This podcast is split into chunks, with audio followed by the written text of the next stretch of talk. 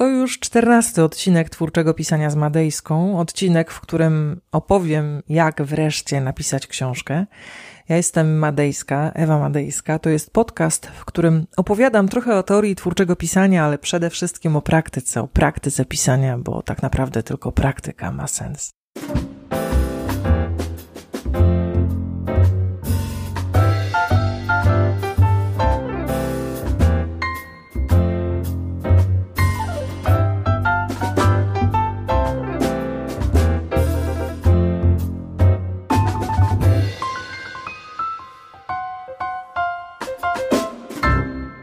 Tym razem nie będzie o kwestiach warsztatowych, o bohaterze, o jego celu, o jego pragnieniu.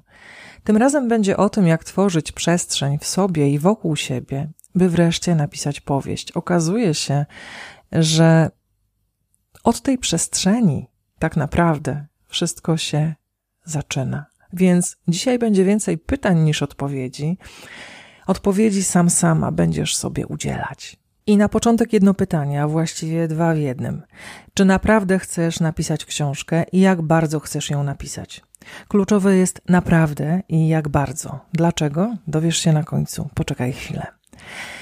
Na początku chcę Ci powiedzieć, że w tym, o czym powiem, w tym odcinku nie będzie chodziło o produktywność. Mam alergię na słowo produktywność, produktywny. Mam krzyżową alergię na frazę produktywny autor, produktywna autorka. Jeszcze większą alergię mam na słowo sukces, które niestety zdecydowanie łączy się z produktywnością, ale czy o taki sukces chodzi, nie wiem. Kilka przykładów z twórczego podwórka pokazuje, że niekoniecznie produktywność łączy się z jakością. Od produktywności blisko jest bowiem do produkcji, a nie o produkcję przecież w literaturze chodzi. Mnie przynajmniej nie o to chodzi. Zatem bez szajby związanej z produktywnością, efektywnością, wydajnością podrzucę Ci kilka pomysłów, co zrobić, żeby wreszcie napisać książkę. Pewnie o tym marzysz, pewnie tego chcesz. Podzielę się tym, co działa w moim przypadku, co działa w przypadku słuchaczy, słuchaczek moich warsztatów, chociaż oczywiście nie wszystkich. I bardzo dobrze, bo nie wszystko jest dla każdego. U mnie na przykład nie sprawdza się detaliczne planowanie. Przez detaliczne planowanie rozumiem planowanie w blokach, planowanie co do minuty, co do godziny. Ile razy robiłam takie założenia, tyle razy życie boleśnie je rozjeżdżało, ponieważ życie w rodzinie i z rodziną jest nieprzewidywalne. Po prostu od ząbkowania po mononukleozę. Śmiać mi się chce z porad, żeby chodzić spać przed 22, żeby zachować higienę życia. Masz dzieci? Zapomnij o higienie życia. Najpierw ząbkują i chorują, chwilę później wracają z imprez o trzeciej nad ranem. Nagle okazuje się, że jedyny czas, jaki masz na pisanie, jaki ja miałam na pisanie, to czas pomiędzy. Pomiędzy piątą rano a pobudką potomstwa, pomiędzy jednym a drugim wyżynającym się zębem, pomiędzy zapaleniem uszu a zapaleniem gardła, pomiędzy jedną a drugą imprezą, pomiędzy jedną a drugą kłótnią. Jeżeli masz dzieci z głowy, bo wyszły z domu, pojawiają się inne obowiązki może starzejący się rodzice, może uwikłania zawodowe, może sprawy sercowe, dlaczego nie, może twoje własne problemy zdrowotne. Zawsze jest coś, co będzie przeszkadzać w pisaniu. Zawsze. I to jest normalne. Tak jest życie. Twoje życie, moje życie, życie każdego. Inne nie będzie. Finalnie robimy to, co możemy zrobić w warunkach, jakie mamy. I ty, i ja. Ale do rzeczy. Odpowiedz sobie po pierwsze na pytanie, tu przechodzimy do konkretów, dlaczego? I tu zaproponuję Ci dwa dlaczego. Po pierwsze, dlaczego chcesz napisać książkę? Dlaczego w ogóle chcesz napisać książkę? Odpowiedz sobie na to pytanie uczciwie. Dla pieniędzy, dla sławy, dla splendoru? Chcesz się pojawić na pudelku, plotku czy jamniczku? A może chcesz coś komuś udowodnić? Coś komuś pokazać, popisać się, dopiec komuś, z kimś coś załatwić, jakąś sprawę, może przykrą? A może myślisz o nagrodach, a może chcesz zarobić wielkie pieniądze? To są bardzo ludzkie motywacje i mogą być w porządku, o ile nie krzywdzą innych. Mogą być nie w porządku, o ile krzywdzą innych. I mogą być w porządku, o ile wiesz, dlaczego chcesz sławy, pieniędzy i splendoru, chociaż w branży, w jakiej działamy, w literackiej branży, z tym bywa różnie i za sławą, i pieniędzmi, i splendorem. Ale mogą być nie w porządku, o ile chodzi ci tylko o sławę, pieniądze i splendor. Nie będę rozwijać tematu, mam bowiem wrażenie, że kwestia krzywdy to indywidualna i subiektywna sprawa, tak jak sława, pieniądze i splendor, które mogą się przydarzyć, częściej się jednak nie przydarzają. Odpowiedz sobie na te pytania bardzo uczciwie, bo tu chodzi o coś więcej niż sława, pieniądze i splendor. Wiesz o co chodzi. Tu chodzi o to wszystko, czego ci brakuje, o wszystkie twoje wewnętrzne deficyty, ale to jest praca mocno wglądowa, praca być może nawet terapeutyczna. Zastanów się, zastanów się, jakie są twoje prawdziwe motywacje. I tu krótka anegdota.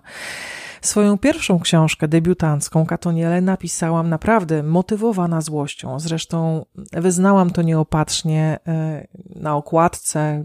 Chyba w blerbie jest nawet taka informacja, że to jest książka, która została napisana ze złości. Książka osiągnęła pewien sukces, została nawet nominowana do Niky, ale to bez znaczenia. To jest dzisiaj bez znaczenia i dość szybko okazało się bez znaczenia, zaraz po debiucie bo w tle tej powieści pozostała złość, pozostał gniew, pozostała ta przykra emocja. Dzisiaj bardzo nie lubię tej książki, nie lubię do niej wracać, nie lubię o niej mówić. Jej sukces jest dla mnie naprawdę bez znaczenia. I żeby nie wchodzić głębiej w to delikatne zagadnienie, ale też żeby nie plątać się w duchowych eksplikacjach, ale też terapeutycznych czy psychologicznych, ujmę rzecz krótko.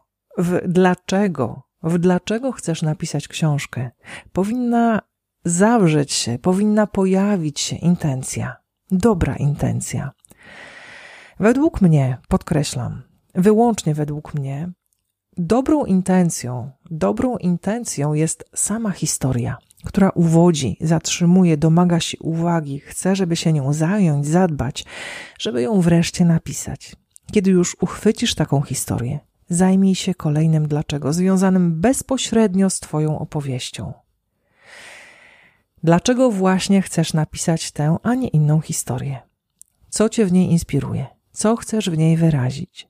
Czy możesz swoją opowieścią wpłynąć na innych? Czy w ogóle możesz na nich wpłynąć? Jeżeli możesz, to w jaki sposób? Czy możesz zmienić punkty widzenia czytelników, czytelniczek, czytelniczek na ważne dla ciebie kwestie? Nie muszą być osobiste muszą być ważne, muszą być istotne, przede wszystkim dla ciebie. A może wcale nie chodzi o wielkie kwestie? Może chodzi o rozrywkę, o czystą przyjemność. Czy wiesz, jak pisać, żeby nie nudzić i nie budzić w czytelnikach, czytelniczkach poczucia, że tracą czas? Czy jesteś pewien, pewna, że Twoja historia o miłości, zdradzie, wojnie, polityce jest świeża? Czy tylko powiela schematy i stereotypy?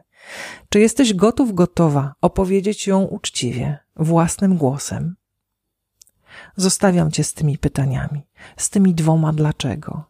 Osobiście wciąż się z nimi zmagam. Dlaczego chcesz napisać książkę? I dlaczego chcesz napisać tę, a nie inną książkę?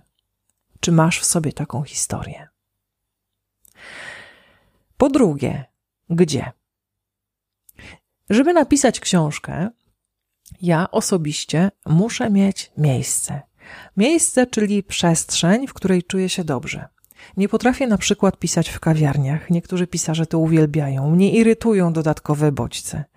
Potrzebuję ciszy, żeby słyszeć, co mówią bohaterowie, żeby widzieć, co dzieje się w scenie, żeby wiedzieć, co dalej. W hałasie tracę uwagę. Potrafię przegapić to, co ważne w fabule. Próbowałam pisać w bibliotece, a raczej w czytelni, w której teoretycznie powinna panować cisza. Teoretycznie nic z tego, bo ciszy w czytelni nie ma. Ten przewraca kartki, ten popija herbatę, a ów pyta o coś. Nie ma ciszy. Mogę pisać wyłącznie w znajomej przestrzeni, w której jeżeli nawet pojawia się hałas, to jest to hałas oswojony. Znam jego źródło. Nie jestem w stanie pisać w innych warunkach. Na trzymiesięcznym stypendium w willi Decjusza nie napisałam ani słowa, nie byłam w stanie. Naprawdę, teoretycznie warunki miałam luksusowe. Brak dzieci, brak domowych obowiązków, wolność i co i nic.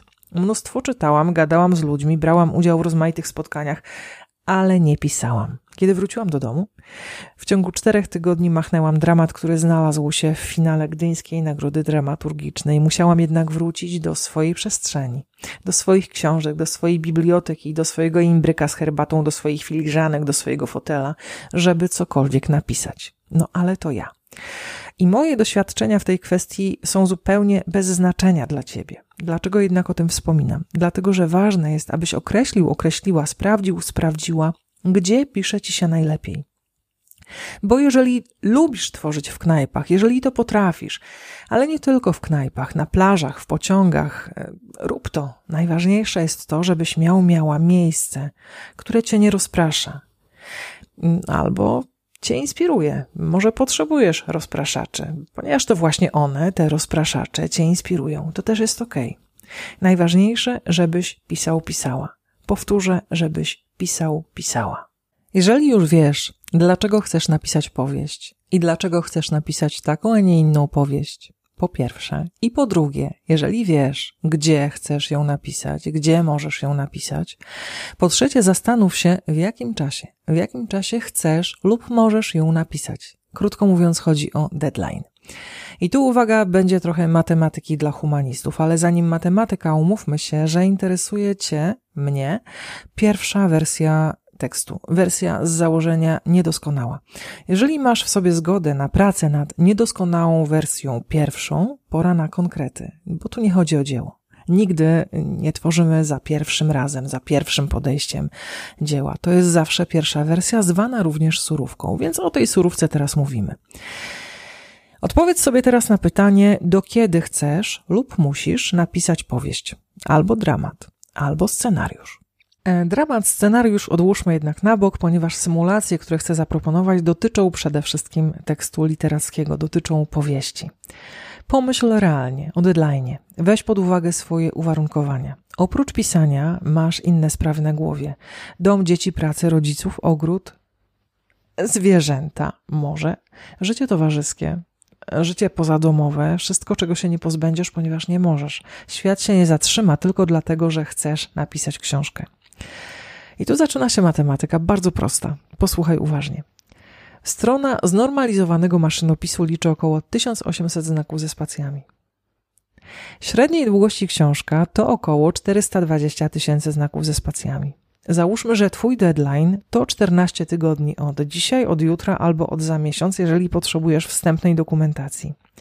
W takim układzie, przy założeniu, że musisz napisać 420 tysięcy znaków ze spacjami, a możesz pisać przez 5 dni w tygodniu, to żeby dokończyć, skończyć książkę, potrzebujesz napisać dziennie 6 tysięcy znaków ze spacjami. To niecałe 3,5 strony. Jeżeli możesz pisać 7 dni w tygodniu, to masz napisać, musisz napisać 4285 znaków ze spacjami. Niecałe 2,5 strony. 2,5 strony. W ciągu 14 tygodni pisząc 3,5 strony albo 2,5 strony, możesz mieć gotową pierwszą wersję swojej powieści. Ale może jesteś obciążony, obciążona tak, że 14 tygodni na pierwszą wersję książki to zdecydowanie za krótko. Umówmy się zatem na pół roku od dzisiaj, od za tydzień albo od za miesiąc, bo dokumentacja. Pół roku to 26 tygodni. Jeżeli założysz, że możesz pisać 5 dni w tygodniu, twój dzienny target wyniesie 3200 znaków ze spacjami. To mniej niż dwie strony. Jeżeli możesz pisać 7 dni w tygodniu, twój dzienny target to 2,5 tysiąca znaków ze spacjami.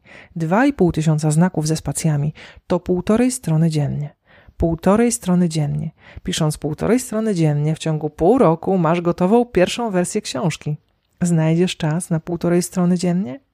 znajdziesz, nawet w czasie pomiędzy.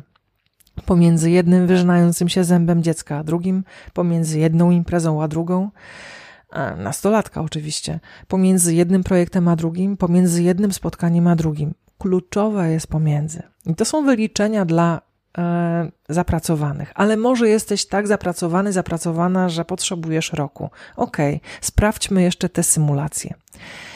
Żeby napisać książkę, policzyłam to naprawdę dokładnie, dostaniesz same wyniki. O długości 420 tysięcy znaków ze spacjami w ciągu roku potrzebujesz pisać dziennie między 1100 a 1500 znaków ze spacjami. To między pół strony, a nie całą stroną znormalizowanego maszynopisu.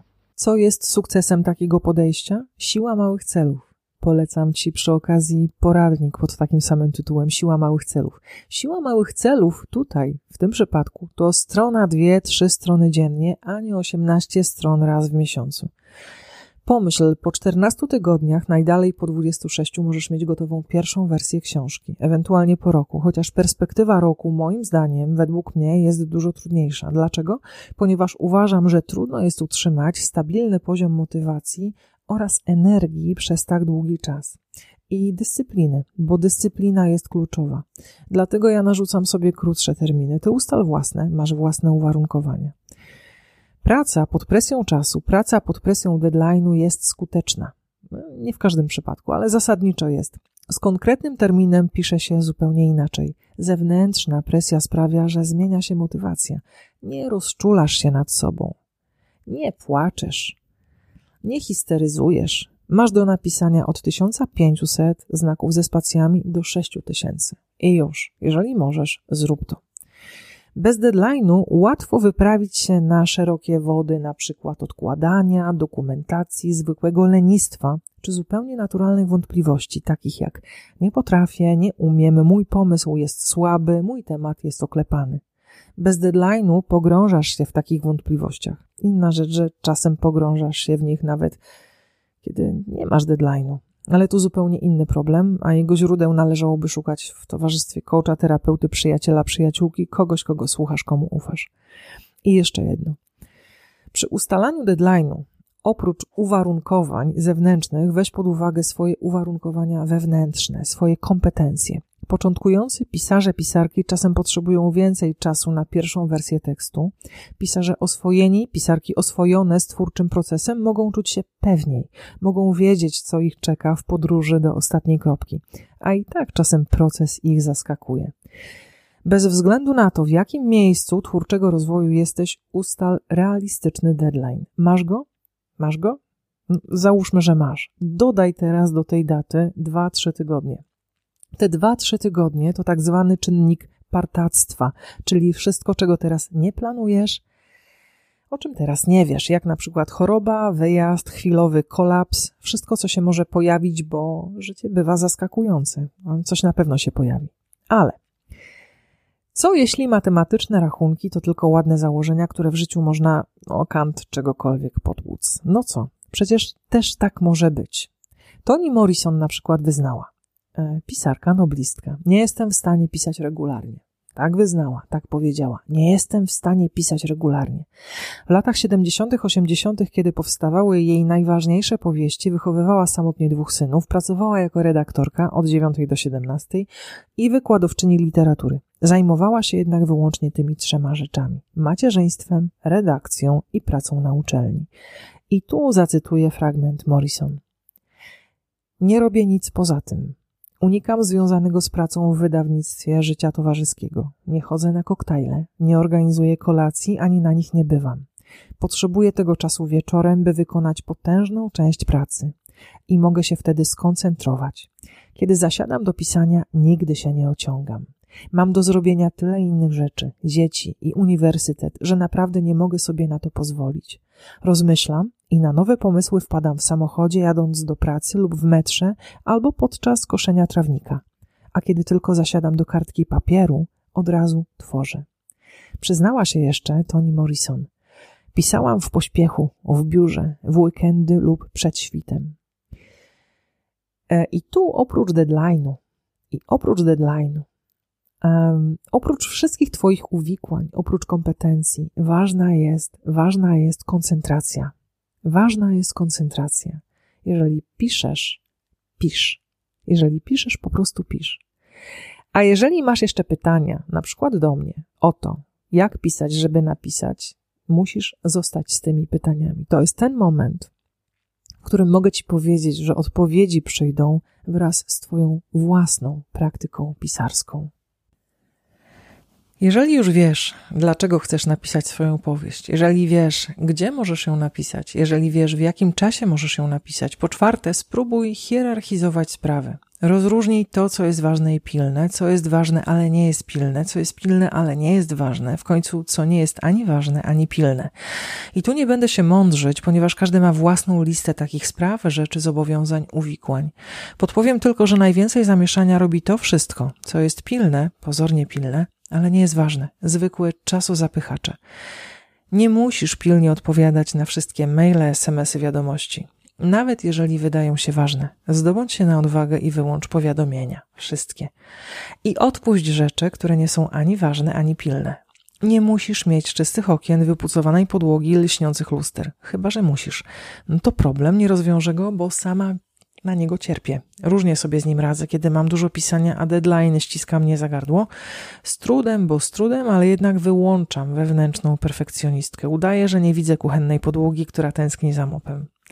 A kiedy bałagan mnie denerwuje, albo go sprzątam, co najczęściej okazuje się zbawienne, albo deleguję sprzątanie na domowników, bo ich wsparcie, zrozumienie i pomoc okazują się bezcenne.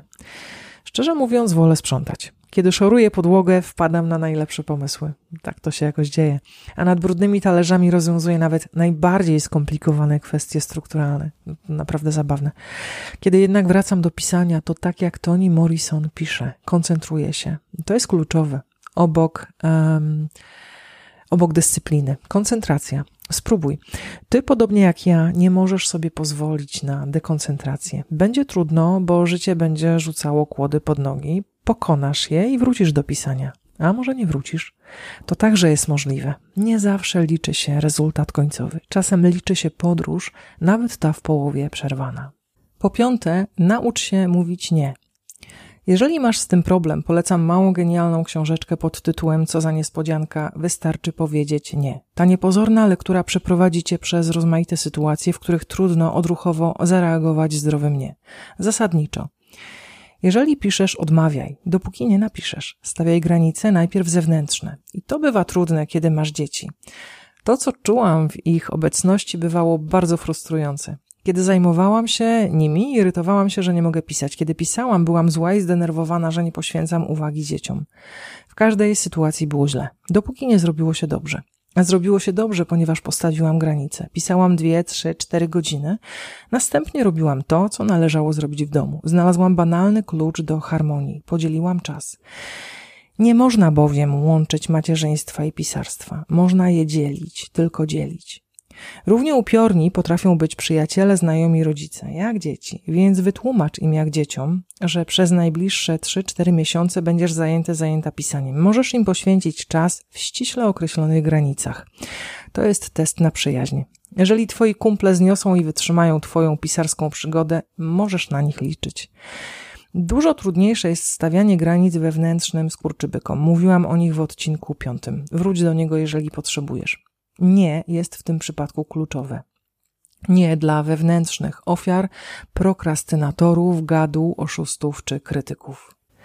Co jednak w sytuacji, kiedy nie możesz powiedzieć nie? Po prostu nie możesz. Co w sytuacji, kiedy asertywność polega na tym, żeby powiedzieć tak? E, I tu krótka, prywatna historia. Trzy lata temu o tej porze prawie umarła moja mama, w czerwcu. Byłam na finiszu drugiego tomu trylogii ostatnie, kiedy zadzwonił tato, żeby powiedzieć, że jest źle.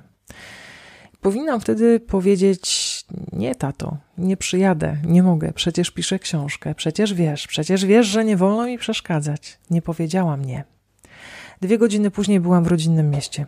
Przez dwa tygodnie, kiedy wracałam od mamy ze szpitala do domu, spędzałam godzinę lub dwie nad książką. Tylko tyle. Czasem pisałam w szpitalu przy łóżku mamy i nie przeszkadzał mi wtedy szpitalny hałas. Ciekawe, prawda? A hałas mi przeszkadza. Więc bądź uważny, uważna. Sprawdzaj granice nie w sobie. Życie bywa daleko bardziej zaskakujące i wymagające niż to wszystko, o czym mówię. Zbliżam się do końca y, i dlatego to jest ten moment, y, w którym wrócę do początku. A na początku zadałam Ci dwa pytania w jednym. Czy naprawdę i jak bardzo chcesz napisać książkę? Pomyśl chwilę. Czy naprawdę i jak bardzo chcesz napisać książkę? Jestem przekonana, że znasz odpowiedź. Bo jeżeli naprawdę i bardzo chcesz napisać książkę, to wszystko, co powiedziałam do tego miejsca, jest bez znaczenia. Bo jeżeli naprawdę i bardzo chcesz napisać książkę, to znajdziesz czas i przestrzeń na pisanie w ciągu dnia, nocy i w każdym miejscu. Bo jeżeli naprawdę i bardzo chcesz napisać książkę, napiszesz ją bez względu na wszystko. To nie organizacja czasu i przestrzeni jest problemem. Albo inaczej. Może nią być. Oczywiście, że może być. Brak asertywności również, ale nie jest. Bo jeżeli mówisz mi, nie mam czasu i przestrzeni na pisanie, to ja mam ochotę zapytać cię, co jest nie tak? Co jest nie tak z twoim tekstem? To, co naprawdę i bardzo może cię zniechęcać do pisania, może cię w nim zatrzymywać, to problemy warsztatowe. Na przykład z konstrukcją bohaterów, z ich celami, które, jak wiesz, z odcinków siódmego i dziewiątego mają bezpośredni wpływ na strukturę całej powieści. Jeżeli cel protagonisty szwankuje, szwankuje struktura. Zatrzymujesz się po 40-50 stronach i nie wiesz, co dalej. Po prostu nie wiesz, co dalej. Typowe. I to jest ten moment, w którym albo znajdziesz ścieżkę do swojej powieści, albo rzucisz ją w kąt, powieść, tłumacząc, że nie masz czasu i przestrzeni na pisanie. Jeżeli masz dobrze wymyślonych bohaterów, jeżeli masz dobrze zaplanowaną historię, nic cię nie zatrzyma. Będziesz pisać. Będziesz pisać nawet wtedy, kiedy nie będziesz siedzieć przy klawiaturze. Będziesz pisać na placach zabaw, kątem oka kontrolując, czy z twoim młodszym dzieckiem wszystko ok. Będziesz pisać w samochodzie, czekając na sepleniące potomstwo, które ma półgodzinną sesję z logopedą. Będziesz pisać w biurze pomiędzy bezsensownymi spotkaniami. Będziesz pisać w kolejce na poczcie. Wiesz, ile można napisać w ciągu pół godziny albo 45 minut? Nie wiesz? Przekonaj się. Do opisania wieczorem nie będę cię zachęcać. Możliwe, że jesteś pracującą matką, taką jaką ja byłam przez wiele lat. Wieczorami jesteś prawdopodobnie tak zmęczona, że nie masz siły na to, by wklepać krem w szarą twarz. Wiem jak jest, wychowałam troje dzieci. Ale wiem też, jak łatwo jest wykręcać się dziećmi, kiedy nie wychodzi z pisaniem. To straszne i wstydzę się tego, bo czasem się nimi wykręcałam. Szukaj własnych rozwiązań. Nie chodzi bowiem o magię produktywności, efektywności, wydajności. Chodzi o to, żebyś znalazł, znalazła własny sposób na życie z pisaniem. Jeżeli to zrobisz, zacznie się życie w pisaniu. A wtedy uwierz mi, nic ci nie przeszkodzi w tym, żebyś dokończył, dokończyła książkę lub opowiadanie. Żebyś yy, naprawdę po 14 czy też 26 tygodniach mógł, mogła powiedzieć: Mam to, mam pierwszą wersję tekstu. Okazuje się, że finalnie jest lub może być, tak jak powiedział David Foster Wallace, a powiedział tak. Raz pracuje mi się dobrze, a innym razem wręcz przeciwnie. Obecnie staram się nad czymś pracować, ale nie bardzo mi to wychodzi. Miotam się i miotam. A gdy się miotam, nie chce mi się pracować, wymyślam więc drakońskie sposoby w stylu ok, dziś rano pracuję od 7.30 do 8.45 z pięciominutową przerwą to całe barokowe pieprzenie. A po pięciu czy dziesięciu minutach już wiesz, jak to jest z niektórymi książkami. Pięćdziesiąt podejść i w końcu nagle zaczyna iść. A kiedy zacznie iść, nie potrzeba więcej wysiłków. Potem ważna jest jedynie dyscyplina. Tak więc nie mam absolutnie żadnego planu, ponieważ o ustalaniu go myślę jedynie wtedy, kiedy pisanie wydaje mi się jałowe i bolesne. Tyle Wallis. Wniosek? Zrób 50 podejść do opowieści, w końcu znajdziesz historię jej bohatera. Reszta się ułoży, każdy plan się ułoży. Będziesz mógł, mogła pisać w każdej przestrzeni i o każdym czasie. Książkę o dowolnie wybranej długości. I najważniejsze, Zrozum, że produktywność, efektywność i wydajność to wartości, które nie zawsze sprawdzają się w pracy twórczej. Możesz napisać pierwszą wersję książki w trzy miesiące, naprawdę możesz to zrobić, ale możesz poświęcić jej dwa lata, a nawet więcej. To zależy od ciebie. Wielkim dziełom wielcy twórcy poświęcali mnóstwo czasu. Da Vinci malował Monelizę 15 lat. Zatem nie spinaj się. Pozwól sobie na życie w twórczym procesie. A kiedy skończysz słuchać ten podcast, znajdź na YouTubie piosenkę z tekstem Michała Zabłockiego, piosenkę, którą śpiewa Agnieszka Chrzanowska, piosenkę pod tytułem Nie bój się nic nie robić. I posłuchaj, ponieważ w przestrzeni, której nic nie robisz, w której tracisz czas, w której marzysz, w której długo śpisz, zaczyna się literatura. Spróbuj. Na dzisiaj to już wszystko. Dziękuję, że mnie wysłuchałeś, wysłuchałaś, że wykazałeś się, wykazałaś się cierpliwością, jeżeli dotrwałeś, dotrwałaś do tego momentu, do końca. Jeżeli jesteś zainteresowany, zainteresowana indywidualnymi konsultacjami, napisz kontakt małpa ewamadejska.pl. Znajdziesz mnie również na Facebooku facebook.com łamane przez Ewa Madejska. Słyszymy się za dwa tygodnie, już 5 czerwca. Serdecznie pozdrawiam.